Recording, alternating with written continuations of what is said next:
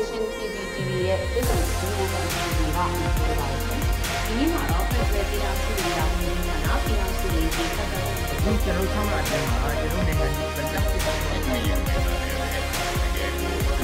ကြောင်းကိုကျွန်တော်တို့ NGO ဆိုရခွင့်နဲ့ဒီ KP အစည်းအဝေးကိုပြန်မှာဆိုရင်ချုပ်ချက်တော့တိုက်ပြီးကြာကြည့်စစ်ပေးကြလို့အဲဆိုတော့ကျွန်တော်တို့ရအောင်ပြန်ပြီးတော့ကျွမ်းသာအတော်ပေါင်းဆိုတာစစ်ဆိုးအောင်ကြားတယ် တော့တယ်ရတယ်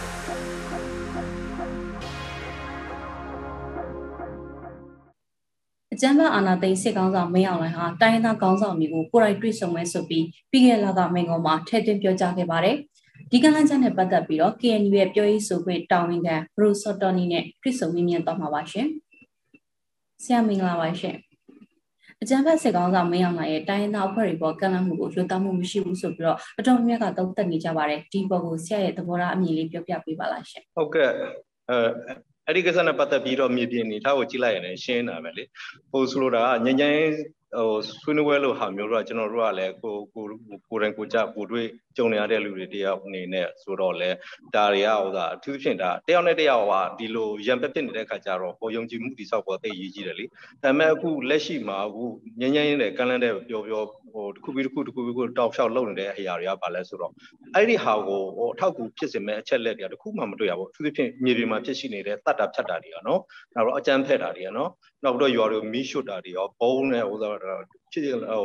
ရမ်းကြတဲ့ရမ်းနေတဲ့ဟာတွေပေါ့အဲ့ဒီအခြေအနေတွေအခုဆိုရင်တော့အဲ့လိုတခုမှရထားတာမတွေ့ဘဲနဲ့ဆက်ဇက်တိုက်ပဲလုပ်နေတဲ့အပေါ်မှာတစ်ဖက်ကနေညဉ့်ညဉ့်စကားပြောလာရဆိုတော့ဒါကလည်းဘလူးမဟာမဟာသတ်ဘူးလေအဲ့ဒါကြောင့်မို့လူကပြောနေတာပေါ့မယိုးသားဘူးဆိုတာဒါကတော့ကလေးတောင်သိနေတဲ့ကိစ္စလေအဲ့ဒါကြောင့်မလို့ကျွန်တော်တို့ကလက်ထပ်ပြီးတော့ရှေ့ရှေ့ဝေပြောခြင်းဘူးဒါမျိုးကတကယ်တမ်းလုပ်ချင်တယ်ဆိုရင်လက်တွေ့မြေပြင်မှာတကယ်ဟိုရုပ်ရင်နိုင်လောက်တဲ့အနေထားလေတော့တစ်ခုတစ်ခုတစ်ခုစတစ်ခုစပြပို့တော့လို့လိုနေပြီလေ အော်ဆိုလိုတာကျွန်တော်တို့ကဒါစိတ်ရင်းထက်တန်စွာနဲ့ကျွန်တော်တို့လုပ်ခဲ့တယ်အခုလည်းဒီငင်းငင်းဆိုတာကျွန်တော်တို့မငင်းပါဘူးဆိုတာတော့ကျွန်တော်တို့ပြောချင်တယ်ဒီကလာမှုပေါ် KNU ရဲ့သဘောထားအနေနဲ့ကျူတင်စီကတ်သတ်မှတ်ချက်တချို့ရှိမှအဆင်ပြေမယ်ဆိုတာမျိုးဆရာအရင်ကအင်တာဗျူးတွေမှာဖြေခဲ့တာကြားရပါတယ်ရှင်အဲ့တော့ဘလို့ကျူတင်စီကတ်သတ်မှတ်ချက်တွေလဲဆိုတာနဲ့ဒီစီကတ်သတ်မှတ်ချက်တွေရဲ့အရေးပါပုံကိုရှင်းပြပေးပါအောင်ရှင် ဟုတ်ကဲ့ဟုတ်ကဲ့ဒါကလည်းကျွန်တော်တို့ရဲ့အတွေ့အကြုံပေါ်အများကြီးမူတည်တယ်လို့ပြောလို့ရတာပေါ့နော်။ဘာဖြစ်လဲဆိုတော့ကျွန်တော်တို့ကညဉ့်ညဉ့်ကိုဟိုညဉ့်ညဉ့်ဖြစ်စဉ်တစ်ခုလုံးမှာပြီးခဲ့တဲ့အချိန်တော့ကျွန်တော်တို့ထဲထဲဝင်လာကျွန်တော်တို့ဟိုသာပေါ့နော် commitment ရှိရှိနဲ့ကျွန်တော်တို့ဝင်ခဲ့တယ်။ဟိုသို့သောညာလည်းပဲကြုံတွေ့ရတဲ့အနေအထားတွေကဒါဟိုနောက်ဆုံးကြတော့ဟိုအကြမ်းဖက်ပြီးတော့အနာသိလိုက်တာနဲ့ပဲဆုံးသတ်သွားတဲ့အခါမှာဟိုနောက်နောက်ဖြစ်ပေါ်လာမဲ့ညဉ့်ညဉ့်ဖြစ်စဉ်တွေကဒီလိုပုံစံမျိုးနဲ့ဘလို့မှဟိုမဖြစ်နိုင်တော့ဘူးဆိုတာကျွန်တော်တို့ယတိပြဆုံးကြတယ်။အဲဒါကြောင့်မလို့ဟိုဖြစ်ဖြစ်ဖြစ်တဲ့ဟိုသာပေါ့နော်ဖြစ်ရမယ့်ဟာဖြစ်ကိုဖြစ်ရမယ့်ဟာကပါလဲဆိုတော့တုံးပြင်းကျွန်တော်တို့ကျွတင်စကန်သတ်မှတ်ချက်တွေကလောက်ဖို့လိုတယ်တစ်ချက်ကဟိုစစ်တပ်ဟာနိုင်ငံရေးကနေစွန့်ခွာရမယ်အဲ့ဒါအင်မတန်မှပဲအရေးကြီးတယ်စစ်တပ်နိုင်ငံရေးကမစွန့်ခွာဘဲနဲ့ကျွန်တော်တို့ငင်းငင်းကိုထပ်ပြီးတော့သွားပြီးတော့ဝင်ကြမယ်ဆိုရင်အဲဒီဆွေးနွေးမှုကိုသွားပြီးတော့လက်ရှိကာလမှာဟိုသူတို့ကဟိုဒီ2008ကိုလုံးဝမစွန့်ပယ်မနဲ့2008ဖက်တွယ်နေတဲ့လူတွေဖြစ်တယ်အဲအကြောင်းမလို့ကျွန်တော်တို့ဒါကြီးကသွားဟိုဝင်မယ်ဆိုရင်တော့ ဟိုဒီ2008ကိုနင်းထိုင်နေသွားပြီးတော့ဟိုစကားထိုင်ပြီးတော့ညင်းနေရတယ်အခုပြီးခဲ့တဲ့အတွေ့အကြုံရဒါပဲလာတာလေအဲ့ဒါကြောင့်မလို့ကျွန်တော်တို့ကဒါကိုလုံးဝမဖြစ်စေချင်တော့ဘူးအဲ့ဒါကြောင့်တကယ်ဆိုရင်တော့တကယ်ညင်းဖြစ်စဉ်တစ်ခုလုပ်ပြီးဆိုတော့ဒီလိုဟာမျိုးပေါ့နော်2008ရောပါတော့ဟိုဆိုတာစစ်တပ်ဆိုတာပါ နိုင်ငံရေးမှာလုံးဝမပတ်သက်တဲ့လူတွေဖြစ်ရမယ်ဆိုတော့ဆိုတာဒီနိုင်ငံရေးကကင်းကင်းရှင်းထွက်သွားပြီးတဲ့နောက်မှာသူတို့သူတို့ထိုင်ပြီးတော့စကားပြောလို့ရရမယ့်အနေအထားမှာရောက်တယ်လေဒါအရေးကြီးဆုံးအချက်ပဲဟိုဒီဟာမရှိဘဲနဲ့တော့ तू ကတဝဲလန်နဲ့2008ပဲ तू ကအသေးသိရေးကြည့်ပါတယ်အဲကြောင့်မို့စစ်တပ်နိုင်ငံကြီးကဆုံးပါအောင်ဆိုတာသိရေးကြည့်ပါတယ်နောက်တစ်ချက်ဟိုဆိုတော့နော်တိုင်းပြည်ကနေပြီးတော့ဒီစစ်တပ်အနေဟိုနိုင်ငံရေးမှာစပ်ပြီးတော့ပါဝင်ပတ်သက်လာတယ်ကြတဲ့နှစ်ပေါင်း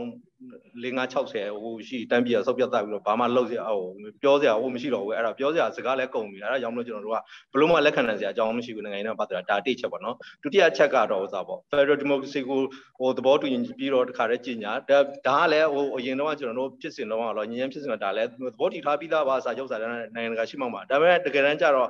ဟိုဘာမှအကောင့်ထဲပေါ့လေနော်ညင်ဖြစ်စဉ်တစ်လုံးတစ်ခုလုံးကိုကပြရပြလောက်တာနဲ့ပဲအဆုံးသတ်သွားတဲ့ခါမှာဒီခါကတော့ဒီလိုကြင်ညာလိုက်ရုံတော့မပြီးဘူးတကယ်လက်တွေ့လုပ်တဲ့အလုပ်ကိုစပြီးလုပ်ငန်းစဉ်တစ်ခုလုံးအကောင့်ထဲပေါ့ဆိုလိုတာကကျွန်တော်တို့တိုင်းပြည်ပြည်သူထူထောင်တဲ့ခါမှာတကယ်အရေးကြီးတဲ့ဖွဲ့စည်းပုံအခြေခံဥပဒေတစ်တစ်ခုကိုတော့ဒီလုပ်ငန်းစဉ်ထဲမှာပဲအကောင့်ထဲပေါ်ရတော့မယ်ဆိုတာဒါရည်တည်ပြလောက်ရမယ်လုပ်ဖြစ်တယ်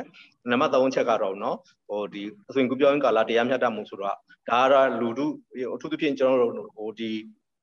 စစ်တပ်ရဲ့ဖိနှိပ်ဟိုတပ်ဖြတ်မှုတစ်လျှောက်လုံးမှာခံစားနေရတဲ့ကျွန်တော်တို့ပြည်သူလူထုအတွက်ကိုကျွန်တော်တို့ဘလို့မှလိလူရှုလို့မရတော့ဘူးတတ်တာဖြတ်တာတွေကခုခုကနေတိတောင်ဖြစ်နေတဲ့ဟိုမရမနာဖြစ်နေတဲ့အခါကျတော့ဟိုဒီလိုနှစ်ပေါင်းများစွာဟိုတတ်တာဖြတ်တာတွေပြန်စုလိုက်တဲ့အခါမှာအင်မတန်မှပဲဟိုနော်ဟိုကြောက်ကမန်းလေးလေးဖြစ်နေတဲ့အနေအထားမျိုးတစ်ခုဖြစ်နေတဲ့အခါမှာကျွန်တော်တို့လူထုကိုဘလို့မှငဲ့လို့မရတော့ဘူးဟိုသူသဖြင့်ဟိုစားပေါ့နော်ဟိုတို့ဒီဟိုစားပေါ့ဒီဒီကိစ္စကိုလုံးဝငဲ့ကွယ်လို့မရတော့ဘူးအဲဒါကြောင့်မလို့ကျွန်တော်တို့ဒီကိစ္စကိုသူသဖြင့်ဟို ဟိုစားဒီဒီသူကွန်ပျူတာကလာတရားမျှတမှုကိုကျွန်တော်တို့လောက်ကိုလောက်ရမယ်နော်အဲ့ဒီလောက်ချင်းအဖြစ်တာလင်းဟိုတယောက်နဲ့တယောက်ပြန်လဲဒီကိစ္စအတိဘလို့မှညင်းမယ်လို့မရဘူးလောက်ကိုလောက်ရမယ်နော်ဒါကနောက်ဆုံးချက်ကပါလဲဆိုတော့ ဒီဖြစ်ပေါ်လာမဲ့ငြင်းငြင်းဖြစ်စဉ်တစ်ခုလုံးမှာနိုင်ငံတကာပိုင်ပတ်သက်မှုအထူးသဖြင့်ဒါနိုင်ငံတကာပိုင်ပတ်သက်မှုဆိုတဲ့နေရာမှာနိုင်ငံတကာနဲ့လာပြီးတော့ဟိုတွင်တွင်ကြဲလာပြီးတော့လူရှုပ်ရှုပ်နေတာတော့ပြောတာမဟုတ်ဘူးဒါကျွန်တော်တို့ရဲ့အတွေ့အကြုံရပြီးခဲ့တဲ့ကျွန်တော်ငင်းငင်းဖြစ်စင်မှာနိုင်ငံကနေပြီးတော့ကျွန်တော်တို့လက်မထိုးတဲ့အချိန်မှာဟိုထိုင်ပြီးတော့ဥစားပေါ့နော်စောက်ကြည့်တယ်သို့တော်ညာလည်းပဲတကယ်တမ်းကျတော့ account ထဲပေါ်တဲ့အခါမှာဘယ်သူမှစောက်ကြည့်နေတဲ့လူကမရှိတဲ့အခါကျတော့စစ်တပ်အနေပြီးတော့လှုပ်ချင်တာလှုပ်သွားတဲ့အခါမှာကျွန်တော်တို့ down ရှောက်တာဒါဟိုကိုယ့်ရဲ့ကိုယ်တွေ့ပဲလေအဲ့ဒါကြောင့်မလို့ ဒီလိုငញ្ញမ်းဖြစ်စဉ်မျိုးမှာနိုင်ငံနဲ့ပတ်သက်ပါဝင်ပတ်သက်မှုဆိုတဲ့နေရာမှာ mediation ကိစ္စမှာပဲပြီးတော့နောက် account တွေပေါ်မှာပတ်သက်လာတယ်အဲ့ဒါဟိုဒီ account တွေပေါ်လာမပေါ်လာဆိုတဲ့ဟာတကယ်စောက်ကြည့်ပြီးတော့ ဟိုမဖို့ဘူးဆိုဘာလုပ်မလဲဆိုတော့အဲ့ဒီရန်ရမျိုးကတကယ်လိုအပ်တယ်နိုင်ငံတကာနဲ့ပိုင်ပတ်သက်မှုကျွန်တော်အဲ့ဒါကိုပြောတာဗာတေချောင်ပို့ပြီးတော့တေချာတဲ့တေချောင်လုပ်ဖို့ဆိုတာတကယ်လိုအပ်နေပါတယ်ဆိုတာအဲ့ဒါကိုပြောချင်ဒီအချက်၄ချက်ကိုသဘောတူမယ်ဆိုတော့ကျွန်တော်တို့ညဉ့်ညမ်းဖြစ်စေတဲ့ဝိုင်းဝိုင်းနဲ့ကျွန်တော်တို့ထိုင်ပြီးပြောမယ်ဆိုတော့ကျွန်တော်တို့အတွက်ဘာမှဝင်လင်းစရာအကြောင်းမရှိဘူး။သူကညာလည်းပဲပြီးခဲ့တဲ့အခြေအနေအရဒါမျိုးကကျွန်တော်တို့ကားသီးကြုံတွေ့လာတဲ့ခါမှာကြတော့ဒီဟာမျိုးမရှိဘဲနဲ့ဘလို့မှလက်ခံလို့မရဘူးဆိုတော့ကျွန်တော်တို့အဲ့ဒါကိုပြောချင်တယ် ဇော်မင်းထွန်းကတော့ဘယ်အဖွဲ့တွေတက်မယ်ဘယ်အဖွဲ့တွေကိုတော့မဖိတ်ဘူးဆိုတာအပြင်ဒီလာမတက်တဲ့အဖွဲ့တွေကိုချင်းချောက်တဲ့သဘောမျိုးပြောတော့တာကိုတွေ့ရပါတယ်အဲ့တော့ဒီလိုမျိုးတိုင်းသားတွေအချင်းချင်းကြားပြီးရင်တိုင်းသားတွေနဲ့ PDF တွေကြားတွေးကွက်အောင်လုပ်နေတဲ့သူတို့ရဲ့ရည်ရွယ်ချက်တွေအထမြောက်အောင်မြင်နိုင်ခြင်းရှိမရှိကိုလည်းသုံးသပ်ပြပါအောင်ရှင့် အဲ့ဒါတော့ကျွန်တော်တို့လည်းကြားနေရတာပဲလေဒါမင်းတို့ဒီလိုဒီလိုအဲ့လိုပုံစံမျိုးနဲ့လူမိုက်ဆန်ဆန်ပြောနေတဲ့ဟာလည်းကျွန်တော်တို့ကြားနေရတာပဲလေဆိုတော့ကျွန်တော်တို့အဲ့ဒီကိစ္စမှာကျွန်တော်ကပြောချင်လဲဆိုတော့တကယ်ငြိမ်းချမ်းရေးဖြစ်စီဖြစ်ဟိုငြိမ်းချမ်းဖြစ်ဖြစ်စဉ်တစ်ခုကိုတကယ်အောင်မြင်ဖြစ်စီခြေတန်းဆိုရင်တော့ဒီလိုအပြောမျိုးဒီလိုစိတ်ထားမျိုးနဲ့ဘလို့ဖြစ်ဘူးဆိုတာဆိုကျွန်တော်တို့ကဘယ်လိုခံစားရလဲအဲ့လိုပြောခြင်းအပြင် ဒီငញ្ញမ်းစပွဲပေါ်မှာရောပဲစစ်မြင်မြင်မှာရောမယ်ကျွန်တော်တို့အပြချမယ်ဆိုတာကျွန်တော်တို့ကအဲ့လိုလိုနားလည်ပြီးသားနော်ဆိုလိုတာကငញ្ញမ်းဖြစ်စဉ်စကားပြောမယ်ဆိုတော့လဲ တရားပြည်ကြောင်းနဲ့တိုင်းပြည်ကောင်းကျိုးရှစ်မရှိပဲနဲ့ဒီကောင်တွေစပွဲပေါ်မှာပဲတခါတည်းအပြောက်ကိုဆော်လိုက်မယ်ဆိုတော့ကျွန်တော်တို့ကိုအပြဟိုသာပေါ့နော်စပွဲပေါ်မှာကျွန်တော်တို့ကိုအနိုင်ပိုင်းမလိုက်မယ်ဆိုတဲ့ပုံစံမျိုးနဲ့ချိုးနေပြီဆိုတာကျွန်တော်တို့အဲ့လိုလိုနားလေရတယ်အဲကြောင့်ဒါမျိုးကတော့ဟိုဖြစ်ပေါ်လာဖို့ဆိုတာဟိုအောင်မြင်ဖို့ဆိုတာဘလို့မှမဖြစ်နိုင်ဘူးလေနော်စစ်မြေပြင်မှာဖြစ်တဲ့ဟာတော့ကျွန်တော်ပြောတာဒါနှစ်90ကျော်ပြီသို့တော့ငញ្ញင်းစပွဲငញ្ញင်းစပွဲကိုဒီလိုဟာမျိုးကိစ္စမျိုးဖြစ်လာတဲ့အခါမှာဒီလိုစကားမျိုးကလုံးဝမပြောသင့်တဲ့စကားဆိုတာကျွန်တော်ပြောချင်တယ်ဒါကြောင့်မလို့အခုကခွဲလာခွဲခွဲခွဲကြကြနဲ့လုပ်နေတဲ့ ့ကိစ္စတွေကလည်းအခုမနုဿနေ့ကလုပ်နေတဲ့ကိစ္စတွေမဟုတ်ဘူးဆိုတာထင်ရှားသိတာတယ်ဗလေအဲ့ဒီလုပ်နေတဲ့ကိစ္စတွေကလည်းသူ့ဘက်ကတော့တစိတ်တစ်ပိုင်းအပြည့်လို့လည်းကောင်းအချိန်ကာလတစ်ခုအပြည့်တော့သူ့ဘရောအပေါ်စီးရနိုင်တယ်ဆိုရင်တကယ်တော့ဘာမှအောင်မြင်တယ်မရှိဘူးလေအဲဒါကြောင့်မလို့ကျွန်တော်တို့ဒီနေ့ဒီကာလမှာသူအဲ့လိုမျိုးဟိုသွေးခွဲပြီးတော့အနိုင်ယူမယ်သွေးခွဲပြီးတော့ဟိုအောက်ချုပ်မယ်ဆိုတဲ့အဲ့ဒီနီလန်နီလန်ဟောင်းတွေကိုတကယ်ဟောင်းနွမ်းစုပ်ပြတ်နေတဲ့အဲ့ဒီနီလန်ဟောင်းတွေဆက်ပြီးလုပ်မယ်ဆိုတော့ဒီနေ့ဒီကာလအရင်ကာလနဲ့လုံးဝမတူတော့ဘူးဆိုတာပြန်ပြီးတော့သတိပေးစီခြင်းလေဒီနေ့ဒီကာလမှာရှိနေတဲ့ကျွန်တော်တို့ရဲ့အနေအထားမှာဟောနော်ဒီအာနာသိန်းစဉ်ကျွန်တော်တို့ဒီတိုင်းပြည်မှာဟို1962ခုနှစ်ကရောနောက်1980တုန်းကရောနော်အဲ့လိုအာနာသိန်းစဉ်ဖြစ်ပြနေတဲ့ဟိုလူထုတွေရဲ့ပုံကံထွက်ကြမှုနဲ့တော်လန်ပုံကံမှုဒီအနေထားအခုဒီဒီကလာမှာကိုယ့်အရင်ကလည်းလုံးဝမတူတော့ဘူးဆိုတာရှင်းတွေ့ရှိနေရတယ်ဆိုတာဒါရှင်းရှင်းလင်းထင်ရှားနေတာပဲလေဒီတစ်နှစ်ပြီးကြော်ကာလမှာတော့ဘာမှမနိုင်နိုင်နိုင်ဘူးဟိုဟို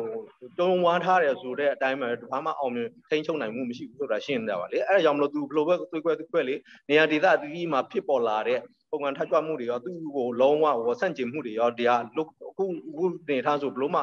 အာရောက်သွားတာမရှိဘူးဒီထက်ပိုကောင်းလာဖို့ပဲရှိလို့ဆိုတော့သူဘယ်လိုပဲကွက်ကွက်ဒီအနေထားကကျွန်တော်တို့ကဘလို့မှဥစ္စာကိုလက်လွတ်လို့မရဘူးကျွန်တော်တို့ကလည်းဒီအဲ့ဒီဖြစ်ရှိနေတဲ့အနေထားကိုသေချာဆုပ်ကင်ပြီးတော့ဆက်ပြီးတော့တွန်းသွားဖို့ပဲရှိတယ်ဆိုတာကျွန်တော်တို့ဟိုသေချာပြောရပါတယ်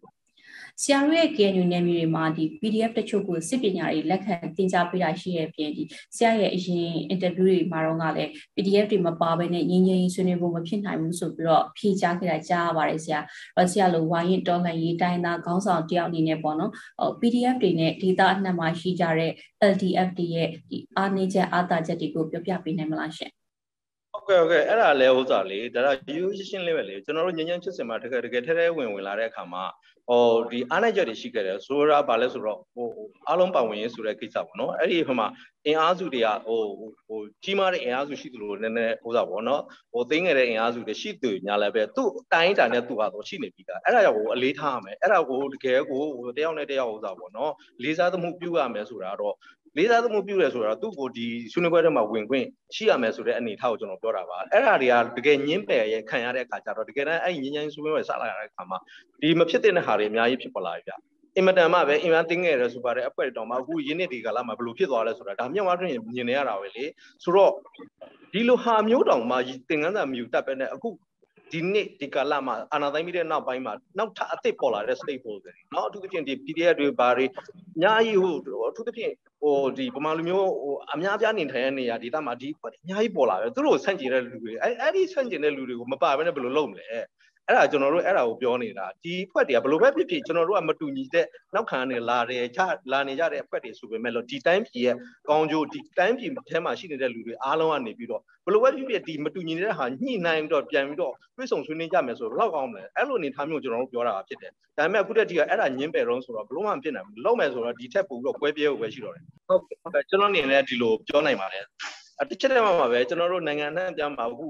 ပေါ်လာတဲ့ဥစ္စာတွေပေါ့နော်ဟို PDF တွေ LGF တွေပေါ့နော်ဒါတွေကဒေသကာကွယ်ရေးဒီဒီကအခြေခံအကြောင်းတရားပါလဲဆိုတော့ကျွန်တော်တို့ကဒီဖွဲ့တွေကတေးချာချာစူးစီးစီးနဲ့ဥစားဒီဘယ်လိုပြောမလဲဥစားပေါ့စူးစီးခိုင်မာတဲ့ဖွဲ့စည်းမှုပုံစံတစ်မျိုးတော့မရှိကြဘူးသူ့နေရာနဲ့သူသူသူ့ဥစားပေါ့နော်သူအကြောင်းနဲ့သူသူကပေါ်လာတဲ့ကိစ္စဒါပေမဲ့အကြောင်းရင်းကပါလဲဆိုတော့ မတရားဖိနှိပ်တာဟိုမတရားတပ်ဖြတ်တာတွေခံရတဲ့အခါမှာလူတွေကကိုယ့်ကိုခုခံကာကွယ်နေတယ်သူ့နေရာကနေပြီးတော့ဟိုတယောက်ဆက်နှစ်ယောက်ဆက်ပြန်ပြီးတော့လုံနေကြတာဒီအဖြစ်ပြက်လေကျွန်တော်တို့ဟိုကင်းဒေါ်လာကြီးကလည်းဒီလိုပဲစပ်ပြီးတော့ပေါ်လာတာလေကျွန်တော်တို့ကဒီအဖြစ်ပြက်ကိုကြုံရတဲ့ခါကျတော့ကောင်းကောင်းနားလေအဲ့ဒီပေါ်မှာကိုယ့်ကိုခုခံကာကွယ်မရှိဘဲနဲ့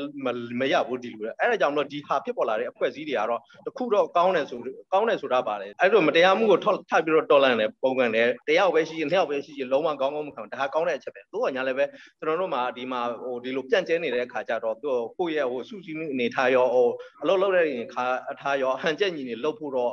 ဟိုလိုပါသေးတယ်ဆိုတာဒါကျွန်တော်ထောက်ပြလို့တယ်အဲကြောင့်မို့ကျွန်တော်တို့ဟိုဖြစ်နိုင်ပြီကျွန်တော်တို့ဟိုအထူးဖြင့်ကျွန်တော်တို့ထိန်းချုပ်တဲ့နယ်မြေအောက်မှာရှိတဲ့ကျွန်တော်တို့ ਨੇ လက်တွဲနေတဲ့လူငယ်လူရွယ်တွေဆိုရင်တော့ကျွန်တော်တို့ဒီပုံစံနဲ့လုပ်လို့မရဘူးဟိုအထူးသဖြင့်တော့ဗောနော်ကျွန်တော်ချိတ်ချောက်ခံမှန်းလို့ကျွန်တော်တို့ပြောနေတဲ့ဟိုဆိုအမိတ်တစ်ခုရဲ့စီစဉ်အောက်မှာလောက်မှသာလင်ပို့ပြီးတော့လုပ်ငန်းတွေပြင်မယ်နောက်ပြီးတော့တရားတော်ဖြစ်နေတဲ့အနေအထားမျိုးအားတွေရှောင်ရှောင်လွဲနိုင်မယ်ဆိုတာเนาะအဲ့ဒါကိုလုပ်နိုင်ခြင်းအပြင်နောက်ဆက်တွဲဖြစ် ပေါ်လာမယ့်ဟာတွေအများကြီးအလိုလျောက်တားဆီးပြီးသားပေါ့နော်အဲ့ဒါကြောင့်မလို့ကျွန်တော်ပြောချင်တာတော့ဒီလို LGA PDF တွေနေရာတကာမှာဖတ်ပြီးတော့တော်လန်တာဒါကဒါလည်းဒါလှုပ်သိမ်းလှုပ်ထိုက်တဲ့ကိစ္စတစ်ခုပဲဖြစ်တယ်တော်တော်ညာလည်းပဲဟိုတစ်ချိန်တည်းမှာပဲပြန်လည်ပြီးတော့တတ်နိုင်တော့ဟိုဟိုချင်းချင်းရရောဟိုစားပေါ့နော်ဒီလိုနီလန်းရှာပြီးတော့ပြန်ပြီးတော့စုစည်းပြီးတော့ဟိုဟိုဟိုတစ်ဖွဲ့နဲ့တစ်ဖွဲ့ချိတ်ဆက်မိတဲ့အနေထားမျိုးပို့ပြီးတော့ကောင်းလာနိုင်မယ်ဆိုရင်ဒီစစ်ကောင်စီကိုပြန်ပြီးတော့တော်လန်နေတဲ့နေကမှာပို့ပြီးတော့ထိရောက်မှုရှိမယ်ဆိုတာဒါကတော့ဟိုကျွန်တော်တစ်ချက်အနေနဲ့ပဲထောက်ပြခြင်းတယ်ဒုတိယချက်အနေနဲ့ကိုယ့်ရဲ့လုံခြုံရေးပေါ့နော်နေရာဒေသအသီးမှာကျွန်တော်တို့ကတော်လန်ရေးသမားဆိုတော့တော်လန်ရေးတတိတော်လန်ရေးရဆိုတာအများနဲ့လိုအပ်တယ်ဒါကတော့လုံးဝ short တွေ့လို့မရဘူးအဲဒါကြောင့်မလို့ဒီဟာတွေအာနာကြီးအတာကျက်ဆိုတာဘယ်နေရာမှာရှိရှိတယ်ဆိုပေမဲ့လို့ဒါတွေကကျွန်တော်တို့သင်ခန်းစာယူပြီးတော့လွတ်သွားမယ်ဆိုရင်ကျွန်တော်တို့ကရှေ့ဆက်ပြီးတော့ပို့ပြီးတော့တိုးတက်ကောင်းနိုင်ကြရတဲ့အကြောင်းအများကြီးရှိပါတယ်လို့နော်ဟုတ်နောက်တစ်ခုကဆရာတို့ KNU နဲ့ NUG ကြားကဆက်ဆက်ရေးအခြေအနေအကြောင်းကိုလည်းပြောပြပေးပါဦးရှင်ဟုတ်ကဲ့အဲ့ဒါတော့ဟို ဟိုဟိုတိတ်ပြီးတော့လဲထူးထူးဆရာပြောစရာတော့မရှိဘူးဘာဖြစ်လဲဆိုတော့ကျွန်တော်တို့ကဟိုအထူးပြင်စစ်အာဏာသိမ်းပြီးတဲ့နောက်ပိုင်းမှာတော့ကျွန်တော်တို့အနေနဲ့ဟိုပထမအဆုံးစတွေ့တဲ့ဖွဲ့ပေါ့နော်ဟိုဒီဒီဒီ2021ဖေဖော်ဝါရီလထဲမှာပဲပထမအဆုံးစိုက်ပြီးတော့ဟိုအထူးသဖြင့်ဒီစစ်အာဏာရှင်စန့်ကျင်ရတဲ့အဖွဲ့တွေနဲ့ပါဆိုရင်တော့ပြည်တွင်းရဲ့အဖွဲ့တွေနဲ့စိုက်ပြီးတော့တွေ့ဆုံတာတော့အဲ့ဒီတော့ CRPH ပေါ့နော်ဒါဒါဒီဖေဖော်ဝါရီလထဲမှာပဲကျွန်တော်တို့တွေ့ရတယ်အဲ့ဒီပြည်တွင်းမှာကျွန်တော်တို့ကအဲ့ပေါင်းစည်းလာပြီးတော့ဟိုတခြားအဖွဲ့တွေနဲ့ဟိုပါပေါ့နော်ညှိနှိုင်းတိုင်ပင်ကြပြီးတော့ NUCC တို့ဘာတို့နောက်ပြီးတော့သူက NGO တို့ဖြစ်ပေါ်လာတယ်လေဒီကလိုတစ်ဆင့်မေတစ်ဆင့်ကျွန်တော်တို့ကဒီအထက်မှာရှိတဲ့ခါကျတော့ဘယ်လိုပဲဖြစ်ဖြစ်နိုင်ငံရေးရစီရေးရတန်တမန်ရေးရစီဝိုင်းပိတ်ဆို့ရေးရရဟောသူပြင်စစ်ကောင်စီမှာလုံးဝဟိုတရားဝင်မှုမရအောင်တော့ကျွန်တော်တို့ဆက်ပြီးတော့လက်တွဲနေတယ်သူပြင်ဒီဟိုဒီနေ့ကာလမှာဟိုလူလူသိများတဲ့ဟို NUG အနေထားလည်းကျွန်တော်တို့ဒီလိုနိုင်ငံရေးရောက်စီရေးရောက် ဟိုဟိုပူတွဲလှုပ်ဆောင်နေရတယ်ဆိုတာဒါကတော့ဘလို့မှဟိုတန်တရားမရှိပါဘူးကျွန်တော်ဆက်လက်လွတ်သွားမယ်ဆိုတော့ဒီတဲ့ပူကောင်းကျွန်တော်တို့လွတ်သွားမယ်တခြားအဖွဲ့တွေကြံတဲ့အဖွဲ့တွေလည်းကျွန်တော်တို့လက်တွဲပြီးတော့ဘလို့ပဲချိတ်ဆက်မိအောင်ချိတ်ဆက်မိမိနဲ့ကျွန်တော်ဆက်ပြီးတော့လုပ်သွားမယ်ဆိုတော့ကျွန်တော်ဒါကတော့ကျွန်တော်တို့ဘက်ကနေဘလို့မှအတန်တရားရှိစရာအကြောင်းမရှိပါဘူးကျွန်တော်တို့ဆက်လက်ပြီးတော့တခြားကြံတဲ့အဖွဲ့တွေအားလုံးလည်းပဲကျွန်တော်တို့ညှိနှိုင်းနေကျွန်တော်တို့ဆက်လက်လုပ်သွားမှာရှိပါတယ်ဟိုဆိုလိုတာကဘာလဲဆိုတော့ကျွန်တော်တို့မှာတော့မတူညီတဲ့နောက်ခံသမိုင်းကြောင်းတွေမတူညီတဲ့ဟိုစားဟိုတွေးခေါ်မျှော်မြင်ချက်တွေကဒါပါလာပြီးသားသူကညာလည်းပဲဘလို့ပဲဖြစ်ဖြစ်အဓိကအကြောင်းအရာပါလဲဆိုတော့ကျွန်တော်တို့ရဲ့ဘုံမြန်သူဖြစ်တဲ့ဟိုနော်ဒီဒီစစ်အာဏာရှင်စနစ်ကိုတော့ကျွန်တော်အပြစ်အချုပ်ငင်းအောင်လုပ်အောင်မဲ့ကိစ္စမှာတော့ကျွန်တော်တို့ဘုံရီမှန်းချက်တူတဲ့အခါမှာဒီမတူညီတဲ့ဟာကိုကျွန်တော်ရှေ့ဆက်ပြီးတစ်ဆင့်ပြီးတစ်ဆင့်ကျွန်တော်ဆက်လက်ညှိနှိုင်းပြီးတော့လက်တွဲလှုပ်ဆောင်သွားနိုင်မယ်ဆိုရင်တော့ဘောနော်လှုပ်လဲလှုပ်မှာပါအဲ့ဒါအဲ့ဒီအနေထားမျိုးမှာတော့ကျွန်တော်တို့အဲ့ဒီခွင့်ရင်းတော့ကျွန်တော်တို့ဟိုဟိုနော်အမိရဆောက်ကန်ပြီးတော့ရှေ့ဆက်ပြီးတော့တုံးသွားဖို့ပဲရှိပါတယ်လို့ဒီပြောရပါတယ်နော် အခုဆိုလို့ရှိရင်နွေးတော်လိုင်းရဲ့ကာလာကတနည်းကျော်အထိခီးပေါက်လာခဲ့ပြီပေါ့နော်ဆိုတော့လက်ရှိအချိန်ကြီးကတော်လိုင်းရဲ့ရှေ့အလားလာကိုဆရာအနေနဲ့ဘယ်လိုများသုံးသပ်ချင်လဲရှင်ဟုတ်ကဲ့ကျွန်တော်အနေနဲ့ဟိုတူတူပဲထောက်ပြရမယ်ဆိုရင်တော့ကျွန်တော်တို့ဥစားပေါ့နော်ဆီယနာသိမ်းပြီးတဲ့သိမ်းပြီးတဲ့ကျွန်တော်တို့ကမခံချင်လို့ထပ်ပြီးတော့ဒေါ်လာနဲ့စားတော့အခုကပထမဆုံးချိန်လည်းမဟုတ်ဘူးသို့တော်ညာလည်းပဲအရင်အရင်အချိန်ခါနဲ့ပြန်ပြီးတော့နိုင်ရင်ကြည့်မယ်ဆိုရင်ကျွန်တော်တို့ရဲ့မျက်နှာစာပြီးပြီးမှကျွန်တော်တို့ တော်လန်နေရတဲ့အနေထားအများကြီးဟိုတိုးတက်ပြောင်းလဲနေဆိုတာပြောလို့ရတယ်အခက်ခဲဆိုတာတော့တကယ်ရှိပါတယ်တကယ်ရှိပါတယ်ဒါကတော့ဘလို့မှညင်းလို့မရဘူးသို့တော်ညာလည်းပဲဒီလောက်ခက်ခဲတန်တန်ပြီးတော့ဘလို့မှမဖြစ်နိုင်တဲ့ဟာတွေကတစ်နှစ်အတွင်းမှာကျွန်တော်တို့တော်တော်များများဟိုတက်တည်ပြန်နိုင်ပြီလေဟိုဆိုလိုတာတော့ဟိုကျွန်တော်တို့ရဲ့ဟိုကဒီကနေ့ ယုံရင်ဆိုင်ကြုံတွေ့နေရတဲ့စစ်ရေးအခြေအနေရောကျွန်တော်တို့ဒီကနေ့ရင်ဆိုင်ကြုံတွေ့နိုင်ငံရေးအခြေအနေရောကျွန်တော်တို့မှာဒီဟာတွေအများကြီးအသာချက်ရှိတယ်ဆိုတာကျွန်တော်ပြောလို့ရတယ်။နောက်ကျွန်တော်တို့အရင်တစ်ခါတော့လုံးဝဟိုအထူးဘမာပြည်အတွင်းကြကြအပိုင်းမှာဘာမှမတိချောက်နိုင်ခဲ့ဘူး။အရင်တော့ပြီးခဲ့တဲ့ဟိုစစ်နာသိမ်းခဲ့တဲ့ဟိုအချိန်တွေမှာတော့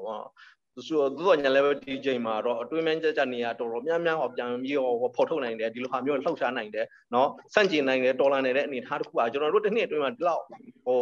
လုံနိုင်တယ်ဆိုတာနည်းနည်းတော့အောင်မြင်မှုမဟုတ်ဘူးလို့ကျွန်တော်တို့ကမြင်တယ်။ဘာဖြစ်လဲဆိုတော့ကျွန်တော်တို့ကိုယ်တိုင်ကလည်းနှစ်ပေါင်း80ကျော်ကြုံတွေ့လာတဲ့အခက်အခဲအကြက်တဲတွေကပြန်ပြီးတော့ဆန့်ထုတ်လိုက်တယ်အရှိဟိုဒီဒီကမာပြည်တပြည်လုံးရဲ့အရှိအတိုင်းတာနဲ့တော့မကဘူးဆိုတာကျွန်တော်ပြောလို့ရတယ်လေ။အဲ့ဒါကြောင့်မလို့ကျွန်တော်တို့ပြောနိုင်တာတော့ဒီတစ်နှစ်ကျော်အတွင်းမှာကျွန်တော်တို့ဒီလောက်လုံနိုင်ပြီဆိုရင်တော့ပြည်သူလူထုကိုကျွန်တော်ပြောချင်တာတော့အခက်အခဲကြမ်းတမ်းနေဆိုပေမဲ့ကျွန်တော်တို့ရဲ့ဟိုရုံးကန်မှုနဲ့ပြန်နှိုင်းရှင်လိုက်တဲ့အခါတော်တော်လေးကိုတိတိယောက်လုံနိုင်တဲ့လုံနိုင်တယ်ဆိုတာကျွန်တော်ပြောလို့ရတယ်နော်။အဲ့ဒါကြောင့်မလို့ကျွန်တော်တို့ကဒီဒီအဖက်အပိုင်းမှာအထူးသဖြင့်နိုင်ငံရေးကိစ္စမှာပဲပြောပြောနော်စစ်ရေးပဲပါပြောပြောဟိုအထူးသဖြင့်ဒီနှစ်ကတော်တော်လေးပဲကြည့်ရပါစို့ဗျာဟိုကျွန်တော်တို့အပြချေမုံမယ်ဆိုပြီးတော့ຫນွေပိုင်းမှာဟိုတော့ဟိုတော့ဗောထိုးစီကြီးကျင်နဲ့လှုပ်လာတဲ့အခါမှာတကယ်တမ်းကျတော့လောဘအဲ့ထိုးစီကမဟန်မဲနောက်ဆုံးကျတော့သူ့အခြေအနေအရသူကခံစစ်နဲ့ပြန်လှုပ်ရတဲ့အနေထားကိုရောက်သွားပြီဆိုတာလူတိုင်းကသိနေတဲ့ကိစ္စဒါပေမဲ့အဲ့ဒီခံစစ်စကလုံးတော့ရဲမပြောရဲဘူးဆိုတော့ကိုယ့်ရဲ့ဟိုလုံခြုံရေးကို view site ပါဘာညာနဲ့ဟိုပြန်ပြီးတော့ဟိုခုခံကြပါတရားမကြပါဆိုတော့ညွှန်ကြားရက်တွေကလည်းဟိုထွက်ထိလာတဲ့အနေထားကိုကြည့်ခြင်းအပြင် သူ့ရဲ့ဥစ္စာပေါ့ထိုးစစ်ကြီးကဘလို့မမှန်နိုင်တော့ဥစ္စာသိကြပြီလေအဲဒါကြောင့်ကျွန်တော်တို့ဘက်ကစစ်ရေးမှဒီလိုဖြစ်နေတယ်ဆိုရင်တခြားမျက်နှာစာအသီးသီးမှကြံတဲ့နိုင်ငံရေးဘက်မှာရောတန်တမန်ရေးအခင်းကျင်းဘက်မှာရောကျွန်တော်တို့ကဒီဒီတိုင်းရက်နေလို့မရဘူးဆက်ပြီးတော့တွန်းဝင်ပဲရှိတော့တယ်အဲဒါကြောင့်ကျွန်တော်ပြောချင်တာကတော့ဒီတစ်နှစ်ကျော်ကာလအတွင်းမှာဖြစ်ရှိနေတဲ့အနေထားကျွန်တော်တို့ရင်ဆိုင်နေရတဲ့ဥစ္စာပေါ့နော်ဒီဟိုဟိုဟိုစိန်ခေါ်မှုတွေကလည်းကျွန်တော်တို့ဟိုရက်ကြတဲ့အောင်မြင်မှုနဲ့ပြန်ပြီးနှိုင်းရှင်လိုက်တဲ့အခါမှာကျွန်တော်တို့အတွက်အများကြီးခွန်အားဖြစ်စေတယ်အဲ့ဒီအပေါ်မှာကျွန်တော်တို့အားယူပြီးတော့ဆက်ပြီးတော့ကြိုးစားသွားဖို့ပဲရှိတော့တယ်ကျွန်တော်ပြည်သူလူထုကိုပြောချင်တာကတော့ဒီဒုက္ခဒုက္ခတွေကပြည်သူလူထုမပါဘဲနဲ့ကျွန်တော်တို့သွားလို့မရဘူးဆိုတာတော့ဒါအလေးနဲ့ပြောချင်တယ်အဲကြောင့်မို့ပြည်သူလူထုကဒီဟာဖြစ်ရှိနေတဲ့အနေထားအကြက်တဲ့ကာလကိုကျွန်တော်တို့ကြိတ်မှိတ်ပြီးတော့ကျွန်တော်တို့တောက်ထားပြီးတော့ကျွန်တော်တို့လှုပ်သွားမယ်ဆိုတော့ဒီဟာလုံးဝမကြော်ဖြတ်နိုင်စရာအကြောင်းမရှိပါဘူးဆိုတော့ကျွန်တော်ပြောချင်တယ်ခုဒီကိကောဒေတာမှာဖြစ်ပွားနေတဲ့စစ်ပွဲနဲ့ပတ်သက်ပြီးတော့ဒီဂျပန်ဆိုရကဆရာတို့ KNUC ဆက်သွယ်ဆွေးနွေးကြတာမျိုးရှိလားရှင်ပြီးတော့ဒီ KNU ပြည်နယ်တွင်းကစစ်ရှောင်တွေဘုကလာပြီပေါ့နော်ညီရဲပြန်နိုင်မဲ့အလားအလာကရောဘယ်လိုရှိလဲရှင် ဟုတ်ကဲ့လိကကော်ရဲ့တင်ထားတော့ဟိုပြန်ပြောရမယ်ဆိုရင်တော့ဟိုဟိုစစ်ကောင်စီဘက်ကတော့ချိန်ဝန်းထားတဲ့အတိုင်းပေါ့လေသူကဒီသားအားလုံးကိုထိချုံနိုင်ရေးဒီသားအားလုံးကိုစုမနိုင်ရေးဆိုတာ အင်းနဲ့အားနဲ့လောက်လာရဲဆိုရင်လုံးဝဒီຫນွေပိုင်းအခုကမိုးကြတယ်ဆိုတော့ဘာမှမမှန်ဘူးဆိုတာသူရှင်းလဲရှိနေရပါလေသူကဟိုရှင်းပြောရသူတက်တော့အမြောက်ကုန်းတဲ့နေရာလွယ်လို့ကြံတဲ့နေရာဘာမှထိချုံလို့မရဘူးအဲကြောင့်မို့သူကတော့ဘယ်လိုပဲလှုပ်ရှားလိုက်တိုင်းဝင်လိုက်တိုင်းဝင်လိုက်တိုင်းဟိုဖြတ်တောက်ခံရတယ်ဆိုတော့ဒီနေရာမှာတက်တက်ပြနေပြီလေဒါကြောင့်ဒီနေထားမျိုးမှာတော့ကျွန်တော်တို့ကတော့ဟိုမတ်လဆမ်းမဲကျွန်တော်တို့ပြောတယ်ခင်ဗျားတို့တက်တယ်ပြန်ဆောက်ပါဆိုတော့ကျွန်တော်တို့ဥစားအဓိကအချက်ပါလဲဆိုတာကြည်ဥစားပေါ့နော်ဟိုဟို ဒီဥစားအလေးကမြို့တဲ့ဟာဒီဟာဥစားရက်ွက်တိုင်းရက်ွက်တိုင်းထွက်ပြေးနေရတဲ့လူလူပြန်နိုင်ဖို့အတွက်ကျွန်တော်တို့ကပြောတာပါတကယ်တမ်းကျတော့သူတို့ကအဲ့လိုပြတ်တက်ပြန်ဆုပ်ပါတက်ပြန်ဆုပ်ပါသူတို့တက်ရဘယ်နာမှနေလဲလေးကောကအနီးပတ်ဝန်းကျင်မှာရှိတယ်မဲ့တော်တော်လေးအဲ့ဒီပတ်ဝန်းကျင်လောက်မှာထိုင်ကြတာအဲ့ဒီလေးကောထဲကဘလို့မှဝင်လို့မရသူပြလိုက်တာအပိုင်းခံရတာပဲအဲ့လိုအနေထားမျိုးမှာကျွန်တော်ပြောတယ်ဟိုဆုပ်ပါတကယ်တမ်းသေချာဟိုပါလူလူကျွတ်ဆုပ်ဆုပ်လိုက်ပါကျွန်တော်လူလူပြန်လာရမယ်ဒါပေမဲ့လုံးဝ view မဆိုင်မနဲ့နောက်နေ့ကျတော့တိုက်ရင်အားကြီးကျင်တဲ့ထိုးစစ်ပြန်ဆင်လာတဲ့ခါမှာじゃတိုက်ပွဲကတောက်လျှောက်ဖြစ်လာတဲ့ခါနော်ဒါဟာတည်းရှင်းနေတာပဲဒီနေ့ဒီကာလမှာကျွန်တော်တို့ဟိုဘလို့မှသူလေးကောက်ထိန်ချုပ်လို့မရဘူးသူဝင်လာတယ်လို့လည်းအပိုင်းခံရတာရှင်းတာပဲနောက်တစ်ချက်ကဂျပန်ဆိုရနဲ့ပတ်သက်ပြီးတော့ဒီဟာဘာမှကန့်လန့်တာလည်းမရှိဘူးဒီကိစ္စနဲ့ပတ်သက်ဘာတန်ဘာတန်မှလည်းမကြောက်ဘူးဆိုတော့ဒါဟိုဒီလိုရှင်းနေမျိုးမှရှိပါတယ်အဲကြောင့်ဒီနေ့ဖြစ်ရှိနေတဲ့အနေအထားမှာတော့ဒုက္ခတွေတွေပြန်လာဖို့ဆိုတာဘလို့မှမဖြစ်နိုင်ပါဘူးဒါပဲဘယ်လိုဘယ်လိုဖြစ်ကျွန်တော်တို့ကလည်းဖြတ်လန်းနိုင်အောင်ကြိုးစားတယ်ကျွန်တော်တို့အဆိုသွင်းတယ်အဆိုပြုတယ်သို့ကညာလည်းပဲစစ်ကောင်စီဘက်ကနဲ့တဆုတ်တာနဲ့ကိုပြောလိုက်တာလည်းတခါတည်းကိုပိုးစစ်ကြီးကျယ်နဲ့ပြန်လို့ပြန်တယ်ပဲအဖြေပဲရတယ်ဆိုတော့ဒီနေ့ဒီကလာဒီကလာမှာတော့ဟောအချိန်နေရတော့ဘလို့မှဟော IDB ပြန်လာလို့မရပါဘူးနော်အကြံဖတ်စစ်ကောင်စီကဒီကီပြည်နယ်အတွင်းကဒေသခံပြည်သူတွေပေါ်ကိုကျူးလွန်ခဲ့တဲ့ဆရာဆွေးမှုတွေနဲ့ပတ်သက်ပြီးတော့ဆရာတို့အနေနဲ့မှတ်တမ်းကောက်ယူထားတာမျိုးရှိလားရှင် ဒါကဒီလိုရှိပါတယ်ကျွန်တော်ပြောရမယ်ဆိုရင်ကျွန်တော်တို့ကြားကြားနေတဲ့ဟို genocide တွေဟိုစားပေါ့နော်အထူးဖြင့် Rohingya ကိစ္စဒါလူသိများလာတာ2019မှာလူသိများလာကျွန်တော်တို့အမှန်မှန်ကျွန်တော်တို့ကိုယ်တိုင်ကတော့ကြိုးစားခဲ့တာဟိုမတိုင်ကပါဟို ICC စက်တင်ဖွဲ့စည်းခဲ့တဲ့ဟိုစား2002လောက်ဖြစ်မယ်နော်အဲ့ဒီကကျွန်တော်တို့ကြိုးစားထားတာ အဲ့ဒီတော့ကလည်းကျွန်တော်တို့စူးစမ်းထားပါတယ်စာမျက်နှာဥစားပေါ့နော်အစီအကံစာမျက်နှာ900ရှိတဲ့စာကိုကျွန်တော်တို့အစီအကံစာတစ်ခုရှိထားပါတယ်အဲ့ဒီတော့ကဒါပေမဲ့လို့အဲ့ဒီတော့ကကျွန်တော်တို့စူးစမ်းခဲ့တဲ့ဟာအမောင်မြင်ပဲနဲ့ဟိုဆိုမှတ်တမ်းတစ်ခုအနေပဲကြံခဲ့ပါတယ်ဒါပေမဲ့မှတ်တမ်းမှတ်တမ်းပါပဲဒါဘလို့မှမပြောပြပါဘူးကျွန်တော်တို့ကအဲ့ဒါဟာကိုဘာလို့လဲဆိုတော့ကျွန်တော်တို့ online တစ်လျှောက်လုံးမှာဟိုကြုံတွေ့နေရတဲ့ခါခါသီးသီးအဲ့လိုအတွေ့အကြုံမျိုးကကျွန်တော်တို့ တစ်ဖွဲ့တည်းမကဘူးဆိုတာနားလည်ရတဲ့ပုံမှာတခြားလူမျိုးစုတွေတခြားတိုင်းသားတွေကျွန်တော်တို့ညီကောင်မောင်နှမတွေဒါတွေတမျိုးတည်းပဲကြုံတွေ့နေရတယ်ဆိုတာကျွန်တော်တို့ကဟိုနားလည်တဲ့ပုံမှာလည်းကိုချင်းဆိုင်မိတယ်အဲ့ဒါကြောင့်မို့ဘယ်လိုပဲဖြစ်လူတူတယောက်ကိုတော့လူသားချင်းစာနာထောက်ထားမှုဆိုတာတကယ်အရေးကြီးပါတယ်ဆိုတာကျွန်တော်တို့ရဲ့မူဝါဒအရဒါရှင်းလင်းတယ်နော်အဲ့ဒါကြောင့်မလို့ကျွန်တော်တို့ဒီလိုကိစ္စမျိုးမှာတော့ကျွန်တော်တို့ဘလို့မှခွင့်လွှတ်နိုင်စရာအကြောင်းမရှိဘူးအဲ့ဒါကြောင့်မလို့ဒီလိုမျိုးမှာတော့ကျွန်တော်တို့ရှစ်ဆက်မဲ့ဝဉဉဉတိဆောက်တဲ့ကာလမျိုးမှာတော့ကျွန်တော်တို့ထက်သွင်းရတဲ့အကြောင်းအရာအဲ့ဒါပါပဲနော်ဆိုလိုတာကကျွန်တော်တို့မိနစ်တင်ရပေါ်လာတဲ့ ranger ကိစ္စမဟုတ်ဘူးကျွန်တော်တို့ကိုယ်တိုင်ကနှစ်ပေါင်း80ကျော်ဒီလိုခါသည်တွေ့လာတဲ့အခါမှာတော့ဘယ်လိုပဲဖြစ်ဖြစ်တစ်ချိန်တစ်ခါတော့ကျွန်တော်တို့တတ်နိုင်သလောက်ကိုကျွန်တော်အောက်ပြီးတော့ဒါမစ်ပြစ်နိုင်သလောက်မစ်မစ်စူးစမ်းမစ်ကြည့်တယ်တိုးတော့ညာလည်းပဲဒီဟာဒီလောက်ချင်းအပြည့်အခြေအနေကတဖြည်းဖြည်းနဲ့မကောင်းလာဘဲနဲ့ပို့ပြီးတော့ဆိုးတဲ့ဆိုးပြီးတော့လူလူအပေါ်မှာဒီလိုရန်ကားရိုက်ရက်ဆက်နေတဲ့အနေအထားမျိုးကကျွန်တော်တို့ဘလို့ခွင့်လို့မရဘူးအဲဒါကြောင့်မလို့ကျွန်တော်တို့ကလည်းတတ်နိုင်တော့ကျွန်တော်တို့စူးစမ်းထားတယ်ပြင်ဆင်ထားတယ်မှတ်တမ်းတွေကလည်းအခိုင်အမာရှိပါတယ်ဆိုတော့ကျွန်တော်ပြောချင်တယ် ဟုတ်တစ်ဖက်မှာလည်းဒေတာရင်းကုန်စီစီစဉ်မှုကအရေးကြီးတယ်လို့တစ်ဖက်မှာလည်းစီရရဒီရန်သူထောက်ပို့လမ်းကြောင်းမှာအရေးပါနေတဲ့အာရှလမ်းမကြီးနဲ့ပတ်သက်ပြီးတော့ KNU ရဲ့မူဝါဒကရောဘယ်လိုရှိလဲရှင်ဟုတ်ဟုတ်ကဲ့ပါတယ်ခင်ဗျာဟိုဥစားတော့ဒီဒီအရှာလမ်းမကြီးနဲ့ပတ်သက်ပြီးတော့ကျွန်တော်တို့ကအဓိကကျွန်တော်ရှင်းလင်းပြသတင်းပေးချင်တာကတော့ဒီလမ်းဖောက်လို့ရေးအတွက်အဓိကအဓိကဟိုကြက်တဲ့အပိုင်းကကျွန်တော်တို့ KNU အနေနဲ့ခွင့်ပြုတာပဲဖြစ်တယ် KNU ကအဲ့ဒီတော့က KNU ခွင့်မပြုဘူးဆိုဒီလမ်းဖြစ်ပေါ်လာစရာအကြောင်းမရှိဘူး ဒီနယ်မြေကကျွန်တော်တို့တပ်မဟာ6နယ်မြေမှာရှိတယ်เนาะအကြိမ်ပေါင်းများစွာနဲ့တောင်းဆိုလာတဲ့အခါမှာကျွန်တော်တို့ကနောက်ဆုံးကြတော့ဘယ်ကိုရှိရှိပြီးတော့ကျွန်တော်တို့ခွင့်ပေးလဲဆိုတော့တိချက်ငញ្ញမ်းကိုရှိရှိအဓိကကျွန်တော်တို့ငញ្ញမ်းရေးဖြစ်စဉ်မှာကျွန်တော်တို့ထဲထဲဝင်ပါဝင်ပတ်သက်နေတဲ့အခါမှာဒီငញ្ញမ်းရေးကိုအထောက်အကူဖြစ်ပါစေတော့ဆိုပြီးတော့ဒီလမ်းဖောက်လို့ခွင့်ကိုကျွန်တော်တို့လောက်ခွင့်ပေးလိုက်တယ်နော်ကျွန်တော်ဆိုတော့ပြောသလိုပဲဒီလမ်းကိုဖောက်ခွင့်လုံးဝမရှိအဖောက်ခွင့်လုံးဝမပေးဆိုဒီလမ်းဖြစ်ပေါ်လာကြအကြောင်းကိုလုံးဝမရှိဘူးသို့တော်ညာလည်းပဲကျွန်တော်တို့ကတကယ်ရည်ရှိမျှော်မှန်းတာတစ်ချက် ညဉ့်ညမ်းရေးကိုအထောက်အကူဖြစ်စေရမယ်ဆိုလိုတာကဒီအာရှလမ်းမကြီးကညဉ့်ညမ်းရေးကိုအထောက်အကူဖြစ်ကိုဖြစ်စေရမယ်တစ်ချက်ဒုတိယချက်ပါလဲဆိုတော့ဒေသတွေဒေသခံလူတွေတွေအကျိုးစီးပွားကိုဖြစ်စေရမယ်နောက်တစ်ချက်ဒေသခံတွေရဲ့အကျိုးစီးပွားမဖြစ်ဘဲနဲ့နောက်ဆုံးတတိယအချက်အနေနဲ့ဒီဒီအထူးကြီးအင်းကြီးနိုင်ငံပေါ့နော်ကျွန်တော်တို့မြန်မာနိုင်ငံရဲ့ကျွန်တော်တို့ရဲ့ထိုင်းနိုင်ငံရဲ့နောက်ပြီးတော့တခြားအာရှတစ်ခုလုံးမှာရှိတဲ့ကျွန်တော်တို့ဒေသဆိုင်ရာအကျိုးစီးပွားကိုလည်းဖြစ်စေရမယ်ဆိုတော့ဒီအချက်၃ချက်နဲ့ကျွန်တော်တို့ဒီလမ်းကိုခွင့်ပြုခဲ့တာဖြစ်တယ် သို့တော့ဒီလမ်းကိုခွင့်ပြုတဲ့ရည်ရွယ်ချက်အခုကမဖောက်ပဲနဲ့မဖြစ်ပဲနဲ့အခုနောက်ဆုံးကြတော့စစ်ကောင်စီကနေပြီးတော့ဒီကျွန်တော်တို့ကိုတိုက်ခိုက်ဖို့ဒီလမ်းကိုအသုံးပြလိုက်ဆိုတော့ကျွန်တော်ဘလို့မှသိခံလို့မရတော့ဘူးအဲ့ဒါမှမဟုတ်ဘလို့ပဲဖြစ်ဖြစ်ကျွန်တော်တို့ကဟိုဖြစ်နေတဲ့နီးနဲ့ကျွန်တော်တို့လုတ်သွားမယ်တစ်ချိန်တည်းမှာပဲဟိုတန်တန်ခင်းတမန်ခင်းဆိုင်ရာတဲ့ကျွန်တော်တို့ဟိုပတ်သက်ပြီးတော့ဒီကိစ္စကိုပြန်ပြီးတော့ဟိုဆွေးနွေးတိုင်ပင်ပြီးတော့ဒီဒေသဆိုင်ရာဟိုဟိုဟိုတောင်ရှိတဲ့လူတဲ့ဟိုဆောင်တော့အတိုင်းဝိုင်းနေနဲ့ကျွန်တော်တို့ပြန်ပြီးတော့ဆက်ပြီးတော့စူးစမ်းသွားမယ်ဆိုတာကျွန်တော်တို့ဟိုဒါပြင်ဆင်ထားပြီးသားပါအဲ့ဒါကြောင့်မလို့ဒီဟာနဲ့ပတ်သက်ပြီးတော့တစ်ဖက်ကျွန်တော်ပြောချင်တာတော့ဒီလမ်းဟာလူထုအတွက်အများကြီးအကျိုးဖြစ်တယ် နော်လူတို့တွေဒုက္ခခံစားနေကျွန်တော်တို့နားလဲတယ်သူကညာလဲပဲဒီလိုလမ်းကိုတော့တော့နော်မှားရင်တဲ့ရည်ရွယ်ချက်နဲ့ကျွန်တော်တို့ရည်ရထားတဲ့မဟုတ်ပဲနဲ့ဒီလိုဖောက်လွဲဖောက်မြန်ပြီးတော့ကျွန်တော်တို့ကိုစော်ကားလိုက်တာလို့ပဲကျွန်တော်တို့ယူဆရခံစားနေရတဲ့အခါမှာကျွန်တော်တို့တော်တော်လေးကိုစိတ်ကတိကောက်ဖြစ်စေတယ်ဒါကြောင့်မလို့ဘယ်လိုပဲဖြစ်ဖြစ်ဒီဟာကကျွန်တော်တို့နောက်ဆုံးအနေနဲ့ဒီလမ်းကပြည်သူလူထုရဲ့အကျိုးပြန်ဖြစ်စေဖြစ်စေရမယ်ဆိုတာကျွန်တော်တို့စိတ် ပိုင်မြထားပြီးသားတဲ့အနေနဲ့ဒီဟာကိုကျွန်တော်ပြန်ပြီးတော့စူးစမ်းသွားမှာပါနော်ဒီနေ့နေ့လက်ရှိခေတ်ကလက်ရှိကာလမှာတော့ဟိုကြုံတွေ့နေရတဲ့စီးရဲချင်းတွေကတော့ဟိုလူလူတွေကိုဒုက္ခဖြစ်စေတယ်ဆိုတာကျွန်တော်နားလည်တယ်ဘာဖြစ်လို့လဲစစ်စစ်ဖြစ်တယ်ဆိုပြစ်တာခတ်တာတော့လူလူကိုတွားပြီးတော့တက်ရောက်မှာပဲလေဆိုတာတော့ကျွန်တော်တို့ညင်းလို့မရဘူးဒါပေမဲ့ဒီလက်ဒီနေ့အထိကာလကျွန်တော်ဆက်စူးစမ်းသွားမယ်ဒီထက်ကြော်လုံအောင်ကျွန်တော်လုပ်သွားပါမယ်လို့ကျွန်တော်ပြောချင်တယ်နော်